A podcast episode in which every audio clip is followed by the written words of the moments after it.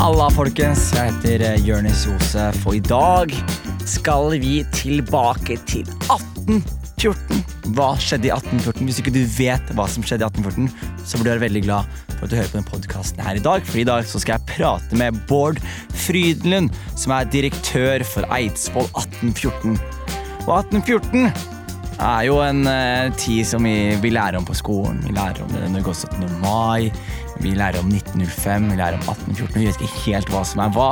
Eller jeg vet i hvert fall ikke. Eh, Men 1814 var året vi skrev Grunnloven, som la fundamentet til hele nasjonen. Og jeg fant ut at det var mye jeg ikke visste. Det var mye jeg måtte lære. Det var mye jeg måtte lese meg opp på. Og, og jeg takker Bård for hans tålmodighet og for en nydelig prat rundt dette temaet her. Så du hører på Hva vet jeg? med meg, Jonis Josef. Velkommen skal du være, Bård Frydenlund. Takk for det. Det er Bård Frydenlund. Bård Frydenlund. Altså. Det- Vanligvis har jeg jo professorer her og litt sånn forskjellig. Hva er det du jobber med? Du, Jeg er leder av et museum, Eidsvoll 1814. eh, Mest kjent for Eidsvollsbygningen, der hvor den norske grunnloven ble skrevet tilbake i 1814. Så det bygget står fortsatt, eller? Det står det fortsatt. Å ja. Det ble mest eh, det prosjektet i grunnlovsjubileet i 2014 som kosta mest penger. Det er over 250 millioner vi har brukt på det. Å, fy Så, men det er på interiøret spesielt, da, for å få liksom det til å se ut sånn som det var i, i 1814. Jeg ser for meg at det var veldig manneklubb. At det var litt sånn tobakkpiper eh, piper og rundt der og Det var et litt annet samfunn. Det var jo, når de lagde en eh, grunnlov med stemmerett og sånt, så var det ikke stemmerett for alle, for å si det sånn. Nei, det tror jeg på. Eh, Jeg er veldig glad familien min kom til Norge i 87, og ikke i 1814. ikke sant?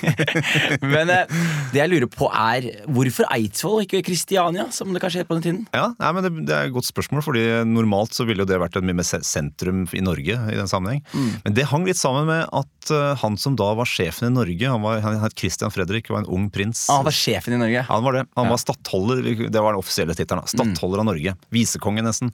Men han hadde en venn som var norsk, som het Karsten Anker. Som han hadde truffet eh, ti år tidligere i København, hvor han jo hadde oppholdt seg mest. Og han var norsk og, og hadde da et, eh, et jernverk med, med flott bygning. Eh, Vi mangla hoteller på den tida, så da var det det å finne disse store herregårdsboligene rundt omkring. Da, bruke de som hva skal vi si, eh, kickoff-seminarer og andre typer Ja, ja, prosesser. ja, ikke sant? ikke sant, ikke du måtte ha et fe, et fet kokk da, for å kunne, kunne ha dette her. Så, um, så han hadde det, og de var venner. og Derfor, derfor ble det lagt der sånn, for det eide Karsten Anker, som var Christian Fredriks venn. Nettopp, ja. Så han er veldig viktig da for norskhistorien. Ja, det er noe. jo. Helt er- klart. Eh, Det, det jeg lurer på da, er jo hvorfor endte de opp med å, å møtes oppe på Eidsvoll i 1814? Det hadde jo skjedd ting, da. Det var jo det at uh, Norge hadde jo vært styrt av København. altså Vi var en del av Danmark-Norge med hovedstad der. sånn, Og det, i lang tid så hadde jo det gått egentlig greit. Det var nokså stabilt styre. Uh, Det var et enevelde. Det var liksom kongen på toppen. Kongen av Guds nåde, som det het så flott, som styrte. Og det var egentlig ikke noe andre enn han som skulle styre. Men det var mange ministre han hadde. Og, så videre, og, og der var det vel mange som mente at ah, det var ikke så veldig mange nordmenn som var med i dette her, sånn, og vi er da, begynner vel å bli mer og mer klare til å styre sjøl. Men så var det jo en fyr som styrte i Europa, som var ganske viktig for Norge også. Han het jo Napoleon. Og når vi ble en del av napoleonskrigene, da begynte ting å rulle også. Eh, Var vi på lag eller mot Napoleon? det var det som er så rart. Vi var på lag med Napoleon. Og et kjempeproblem var at all handelen, særlig utenrikshandelen fra Norge, den gikk jo til England, og det var jo hovedfienden. Så all, all handel til England stoppa opp, og da var det mange, særlig her på Østlandet, som ble pissed og ikke ville være med på det. Så de laget en, en selvstendighetsprosess, rett og slett. Ønsket å liksom Nå skal vi gjøre noe eget. Den eh, ble da satt i gang av det som heter Kiel-traktaten 14.1.1814. For der skrev de under alle stormaktene, unntatt Napoleon, for de skulle slå Napoleon. Det var liksom hele dealen. Eh, og der skrev de under at ok, nå har Karl Johan, som var egentlig en det er han som står på, på sokkel utafor slottet, til hest. Han hadde vært, blitt kronprins og regjeringsleder i Sverige. Og han hadde blitt med disse stormaktene som var imot Karl Johan, til å slå Karl Johan. Nei, unnskyld, nå sa jeg Karl Johan, jeg mente Napoleon. Altså som han faktisk var hans gamle sjef. Så dette er, Han het tidligere Jean-Baptiste Bernadotte, var fransk uh, marskalk. Og han skulle da bli med stormaktene for å slå Napoleon. Backstabbing? Ja, litt backstabbing. Det var også noen da, gamle damehistorier her, sånn, så det er mye, mye, mye, mye å, å grave i der. sånn. Men hovedhistorien er jo det at uh, for at han, Karl Johan skulle bli med på dette, her, sånn, så skulle han få Norge som en, som en premie. Så det var nesten et krigsbytte. At Norge skulle bli et krigsbytte dersom Ja. han skulle bli med å slå sin gamle sjef Napoleon. Kiel-traktaten hørtes veldig ut som Game of Thrones. Det er litt sånn, det er ikke så mye drager, da. Det er litt, det er, men altså, det er mye, mye i dansk og norsk historie som er litt Game of Thrones når det gjelder eh, Det er ikke så mye incest og sånt nå heller, men det er i hvert fall- Nok incest er det, ja. Nok incest er det. Nok, nok av det.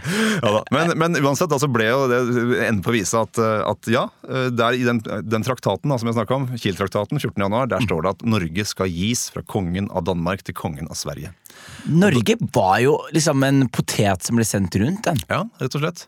Ja. Og det er ikke så rart at, de, at Potet-Norge sjøl faktisk sier da at nei, det vil ikke vi være med på. Vi vil være med å, å lage den, eh, det måltidet sjøl, på en måte. Så det som skjer da, og da er da han Christian Fredrik kommer inn i bildet. Det er han som da blir en slags sånn uh, bannerfører for en norsk bevegelse av en sånn en eh, eh, nyopplyst, uh, utdanna elite i Norge som sier at ah, dette her er ikke, dette, dette kan ikke vi finne oss i. Så det blir, blir en slags eh, revolt mot det som denne Kiel-traktaten sa. da, At de skulle lage et eget opplegg, og det var en form for selvstendighet for Norge. Christian Fredrik. Han fikk da Norge som premie.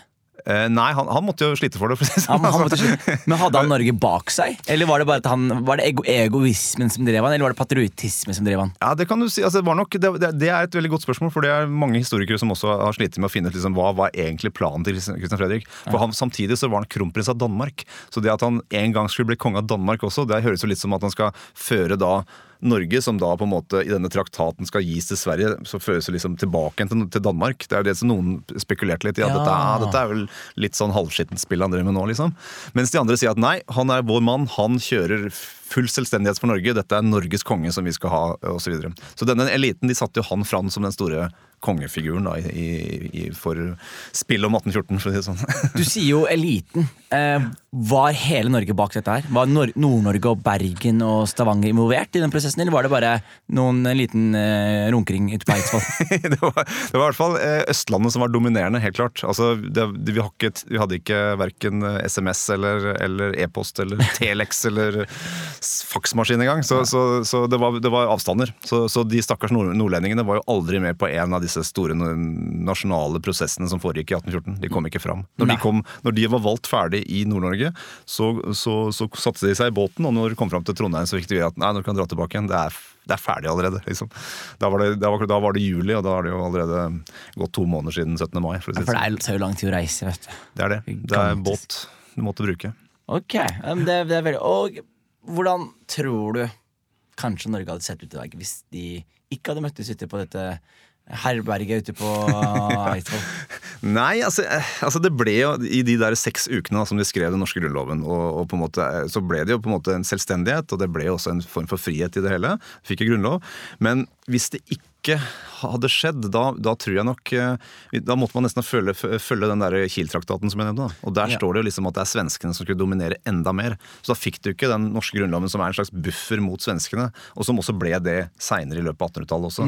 En slags sånn, øh, et forsvarsverk. da. De brukte, og det påvirka alle de som satt i Stortinget, det norske Stortinget også. at De ble litt sånn konservative i forhold til det der og tenkte at øh, ok, vi står på Grunnloven, og den tør ikke kongen å, å kødde med, for å si det sånn. Men hva sto i Grunnloven? Det var jo fundamentert eh, en maktfordeling, blant annet. Det, altså hele Poenget er jo en folkesuverenitetsidé som var ny. Altså At det var folket selv. Det var derfor Christian Fredrik på den 16. februar, det som vi kaller for notabelmøte, lot seg overtale til å innkalle til en riksforsamling. For han var, ikke, han var jo konge, eller han var jo prins, mener jeg, så han tenkte at eh, hvis danskekongen bare gir fra seg eh, Norge til svenskekongen, så kan jo jeg ta det, for jeg er arveprins. Da kunne jeg ta det på min odel eller min arverett. på en måte. Så han ville egentlig det først, men så ble han overbevist i et løpet av et møte om at ok, nei, du, dette er ikke så veldig moderne, så få heller kalle inn til valg og, og lage en riksforsamling. Så hvis vi ikke hadde kommet så langt, da, hvis du tenker tilbake til det spørsmålet ditt, så, så tror jeg nok at det hadde blitt en svensk modell som hadde vært mer konservativ. Den hadde vært styrt liksom at mer, mer aristokratisk styre. Ikke så demokratisk som den ordentlige grunnloven ble, faktisk. Ja. Og, og vi hadde jo en del eh, urfolk i Norge på en tid. ikke? Samer og finsk, folk i Finnskogen og Ja. tater og sigøynere. Hvordan var de representert, da? Nei, det var ikke mye representasjon, men det var, de var de, altså, same, Jeg vet ikke hvordan sørsamene var på den tida, men altså, samisk befolkning i Finnmark var på, på, linje med alle nordlendinger. De var ikke med i det hele tatt. på en måte. Nei. Det var først i 1821 at du fikk det som heter rettighetsmenn, som fikk da en politisk deltakelse. Så det var ikke så, det var ikke så gærent, det i forhold, i forhold til det. Det var jo det var jo eh, verre ting ved Grunnloven som gikk imot andre, særlig andre religioner. Det var jo ja. det, det, som vi kjenner som jødeparagrafen, paragraf 2, som sa at, eh, at munkeordener, jesuitter og jøder ikke har adgang i riket. Så Det er liksom den svarte pletten som er liksom i, mi, i, mine øyne, når jeg ser liksom i kildene og hva folk gjorde, så er det liksom, er skikkelig ko-ko-avgjørelse, egentlig. fordi de, de i prinsippene så skriver de at de skal ha religionsfrihet, men så kommer de fram med paragraf 2 i Grunnloven, som er en sånn ordentlig repressiv anti-jøder, anti Eh, katolisisme, egentlig. Det er det de kommer fram til. Så det er mm. veldig rart at de kommer fram til det. Så e, Enten så har de vært litt, drikket litt for mye sprit. De drakk mye sprit på Eidsvoll. De gjorde det, ikke sant? Jeg ser for meg. 2600 liter brennevin ble konsumert på seks uker. 2000... Det, er, det, er, mer enn en halvflaske sprit per mann per dag. Så du sier til meg at folk var dritings når de skrev i Grunnloven? det, er, det er tabloiden. Det ville, det ville VG skrevet. Men jeg kan da si at det, det, skulle også være sprit til alle skysskarene, alle adjutantene, alle tjenerne osv. Så, videre, så det, var, det ble fordelt mer. Altså. Så de var ikke så... Ja, men, men det var men vi veit at det er noen som satt der og duppa av og sovet rusen fra gårsdagen. og sånt, og Det står i, i, memoarene til flere av dem. Det er faktisk eh, det mest norske jeg har hørt. det er så riktig det, for Norge. og at det, det. Eh, er det no, men sånn som paragraf 2, da, står ja. den fortsatt i Grunnloven? Nei, heldigvis så var det blant annet Eh, Henrik Wergeland, vår nasjonalpoet, som, som fikk satt i gang en prosess på 1840-tallet. Og rett, rett, etter han døde faktisk på 1850-tallet, så ble den fjerna. Så det, det, det, var liksom, Man så hvor gærent det var i forhold til resten av Grunnloven, som var en veldig liberal altså I 1814 så er det absolutt kanskje den mest radikale grunnloven i hele verden. Og da tenker jeg ikke på den franske revolusjonen, hvor det hadde vært mer radikale grunnlover, men det, hadde jo, det franske samfunnet var annerledes i 1814 enn det hadde vært. Hva var, hva var, inspirasjonen? Var det franske revolusjonen? Ja, det, det er særlig dette med menneskers eh, rett, enkeltmenneskers rettigheter. Det kommer fra den franske revolusjonen. Men du kan si også at den amerikanske revolusjonen tidligere, den var også når det gjaldt maktfordeling, at du har liksom en dømmende makt, en lovgivende makt og en, og en regjering, en utøvende makt, den kommer veldig mye fra den amerikanske James Madison, som da var arkitekten bak den, bak den amerikanske amerikanske modellen. Og en spiller for Leicester.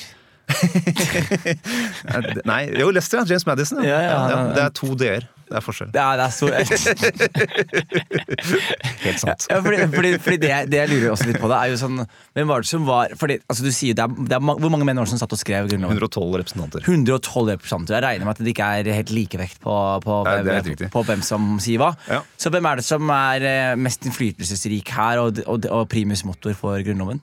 Det er jo eh, de som hadde godt, hatt eh, utdannelse i København, blant annet. Altså de som enten var jurister eller prester. Det var de som var det best tale taleføre. De hadde liksom brukt og kjente hvordan det å utvikle og bruke en lov fungerte i praksis.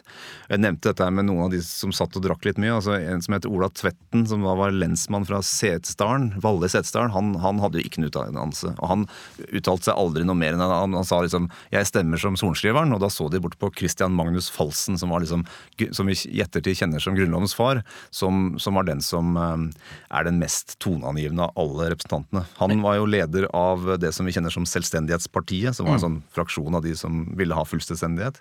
Han var den som kom med utkast, ferdig utkast til en full lovbok. Eh, det de kaller for Adler Falsensk utkast, som var da fordi han hadde en venn, en dansk venn som også var med å skrive litt. Ehm, som også var veldig influert av amerikanske og franske eh, inspirasjonskilder. Og så var han også leder av en komité som het Konstitusjonskomiteen, som, var, som egentlig knesatte hele det stortingssystemet vi har nå, med altså at ting utarbeides i komiteer, og så kommer det inn i plenum, altså stortingssalen da seinere. Ja. Så han var en veldig viktig mann, denne Falsen, og, og, det er helt riktig at han er liksom Grunnlovens far. Jeg synes egentlig, Selv om det er litt tabloid, så, så syns jeg det er en tittel som står seg. da. Men Norge var jo ikke så selvstendig når vi fikk grunnloven. Nei, men den grunnloven du fikk, den greide å være et, et forsvarsverk mot svensk eh, dominans. da. Altså, det de gikk ikke en krone fra, fra, Oslo til, eller fra Kristiania, som det het, da, til ja. Stockholm. Altså, De fikk full innenriksfrihet. Det var bare, det var bare forsvars- og utenrikspolitikken som var felles. Når du sier forsvarsverk, så ser jeg for meg at de holder grunnloven opp som man holder løk mot vampyrer. Og, ja, men det, Holder unna! Nettopp. Det, altså, litt sånn. det, er helt riktig. Sånn gjorde de mot Karl Johan spesielt, som var den som begynte allerede sånn fem-seks år etter etter at han har skrevet under Grunnloven. Da begynte han å si at nei, nå, nå skal jeg ha mer makt allikevel. Ja. Så nå skal vi gjøre om Grunnloven, nå skal kongen ha mer makt. Og da sa de her du, dette har du blitt med, med dette er du med på, denne teksten er sånn. Så de holdt den opp. og det, Blant annet Henrik Wergeland han skrev, han skrev en bok senere som het 'Nordmanns katekisme', og der står det der står, eh, bildet, bildet på den boka er bildet av en bonde som peker på Grunnloven, liksom. Mm. Se der, despot, vi har en grunnlov vi skal sette imot deg hvis du prøver å endre den. Så det ble brukt som et aktivt sånn, en nasjonal markør også da, for nordmenn også etterpå. Hvor stor er Grunnloven? Er det den lovboka? Er det Grunnloven? Ja, Det er altså 110 paragrafer da, som ble, kom fra Eidsvoll, som ble eh, modifisert litt for å tilpasse den unionen med svenskene på høsten. Så, vi, så det er egentlig 4. november-grunnloven samme år, 1814, som er den grunnloven vi har i dag. Men det er jo, gud veit, er det tre, over 300 endringer nå, særlig pga. alt som har med altså EØS spesielt, da, og, og, og EU-tilpasninger. på en måte, Alt sånt overnasjonale. Det er det som har vært de som har, i antall i hvert fall, eh, gjort flest endringer på Grunnloven. Og den Grunnloven det er den som veier tyngst i rettssaken. Ja, det, det er på en måte det, Det er- det er mest basic. Det er der grunnlaget ligger. Har vi, vi har andre lovbøker også, eller? Ja da, altså det som allerede på, I 1814 så snakka man om at man måtte ha en kriminalbok. Eksempel. altså det, det står ikke noe om, om, om kriminalitet og, og lovovertredelser i, i Grunnloven. Det skulle man utrede seinere, for det hadde man ikke tid til. Sa man. Ja, ikke sant? Så alt, men alt springer ut i, fra Grunnloven, så du må ha basis i Grunnloven for at eh, en ny lovbok skal, skal Eller et nytt lovområde skal utvikles. Da. Somalia for eksempel, nå er jo et veldig mm, Med en failed state, da, som det heter. Er da eksempel en sånn grunnlov Er det liksom starten på et fundament? Det er det i veldig mange sammenhenger, men det er, det er ikke alle. verken noen ganger så er det ofte internasjonal politikk som er med å sette det. altså Hvordan står det til med naboene? Ja. Er man, er man i, har man fred og stabilitet? Har man, noe liksom har man et grunnlag for at folk kan lage et domstolssystem som vil fungere? Er, hvilken grad av korrupsjon finnes? Altså det er på en måte mange andre faktorer som kanskje må ryddes opp før du på en måte lager en lovbok som du kan kalle en grunnlov. Men, men så lenge man får, hva skal vi si, får de ulike delene av et samfunn som styrer, til et forhandlingsbord og sier at ok, hvis vi kan bli gjennom noe, så er kanskje en grunnlov tingen. Så, så du må liksom prøve å skape en stabilitet før du i det hele tatt kan smelle en grunnlov. Naturligvis. Så, Hvem var antagonistene? Hvem var de som eh, var motstanderne i opposisjon til denne loven? det, altså de som, den som likte det minst, det var nok en som het grev Wedel, som kom fra Tønsberg. Han var, han var kanskje en av de mest internasjonale på Eidsvoll, eh, foruten Ja, nei, egentlig inklusiv Men han satt i Eidsvoll. Han, han satt også i Eidsvoll. Han var valgt fra Han var den eneste greven som var igjen. Den eneste, eneste høyadelige mannen på, i Norge, egentlig, faktisk. på den Ja. tida, sånn. Og han var eh, lederen for det vi kaller for Unionspartiet etterpå. Da. Så han ville jo ha en forbindelse. Han hadde hatt mange forbindelser. Mange mente han var en landsforræder fordi han hadde hatt så eh, nære forbindelser med svenskene, som liksom var det, den store fienden i mange århundrer tidligere da, mot Danmark og Norge. Ja. Så, men han sto for det at eh, jo, vi skal ha en form for frihet, vi, skal, vi bør ha en grunnlov også, men en, hvis han hadde fått viljen sin, så hadde det blitt en mer aristokratisk, sånn elitestyrt uh, grunnlov. Men husk på det at vi, altså vi, I Norge så fikk vi da både pga. en bonde fra Theis, en som het Theis Lundegård, som sa at det er mannen og ikke jorda som skal styre på tinget. Altså man skal ikke ha vekting av stemmer og sånt noe, som mange av grev Edels gjeng. Han, de ville ha sånn at eh, er du, er du godseier, så skal du ha så og så mange stemmer. Er du bare eh, leilending, så skal du ikke ha noen ting, osv. Så, videre. så, så, så det ble en ganske demokrat i samtida, da. Vel å merke i samtida. Det var jo fortsatt ikke kvinner, det var ikke fattige, fikk ikke stemmerett osv. Det var mange grupper som var unntatt. Men relativt sett så var det en veldig demokratisk grunnlov. Ok, Da skal jeg prøve å oppsummere litt her. Bård. Eh, du, jobber, altså, du er fra Eidsvoll eh, museet der ute. Men det som skjedde der på 1814, var at eh, ulike representanter fra ulike deler av Norge møttes for å lage det som var grunnlov, litt inspirert etter amerikansk og fransk revolusjon, og ville ha noe å slå litt i bordet med for å legge et norsk utgangspunkt. Og det var da Carl Christian, nei, Christian Fredrik. Christian Fredrik, uh, som var kronprinsen fra Danmark, som var litt sånn primus motor for de greiene her. Og, og om dette her var av egoistiske eller patriotistiske årsaker, det vet vi ikke helt. Men uansett hva det var, så førte det oss til denne grunnloven vi fikk, da. Og de satt der. Grunnloven, når den ble skrevet, så var jo ikke den eh, endelig på noen som helst måte, men den var med å, å sette standarden og, og sette tonen for 1905. Og når vi ble et selvstendig land, spesielt i møte med mot Sverige, hvor det var Sånn som Henrik Wergeland hadde på boka hans. Coveret på boka, bilde av en bonde som peker på Grunnloven og sier ha! Og det er da for å vise at det her er Grunnloven vi har. Og de satt da opp i seks uker og skreiv. Drakk 2100 liter, var det det var? Ja, 2006 til noe. med. 2600 liter, 500 liter til, eh, som jeg ikke telte med. På sin tid så var den grunnloven en av de mest progressive i hele verden. Eh, bare bak fransk revolusjon og fransk grunnlov. Eh, Men de hadde også likevel denne paragraf to, som du snakket om, som var en paragraf som gjorde det vanskelig for jøder og katolikker å utøve religionen sin i Norge. Eh, Grunnloven eh, er vårt, vår bread and butter. Det er det som styrer samfunnet vårt. Det er det som er hele rettssystemet vårt er bygd på. Og uten grunnlov så hadde vi ikke hatt noe Norge. Var det en god oppsummering? Jeg syns du er kjempegod. Ja. Det, er, det er ikke mange som greier å ta det på, så på kornet, syns jeg. Så det, Nei, jeg syns dette var utrolig spennende. Jeg lærte, lærte en del i dag også. ja, bra, gitt. Ja. Tusen takk til deg, Bård Frydenlund. Takk sjøl.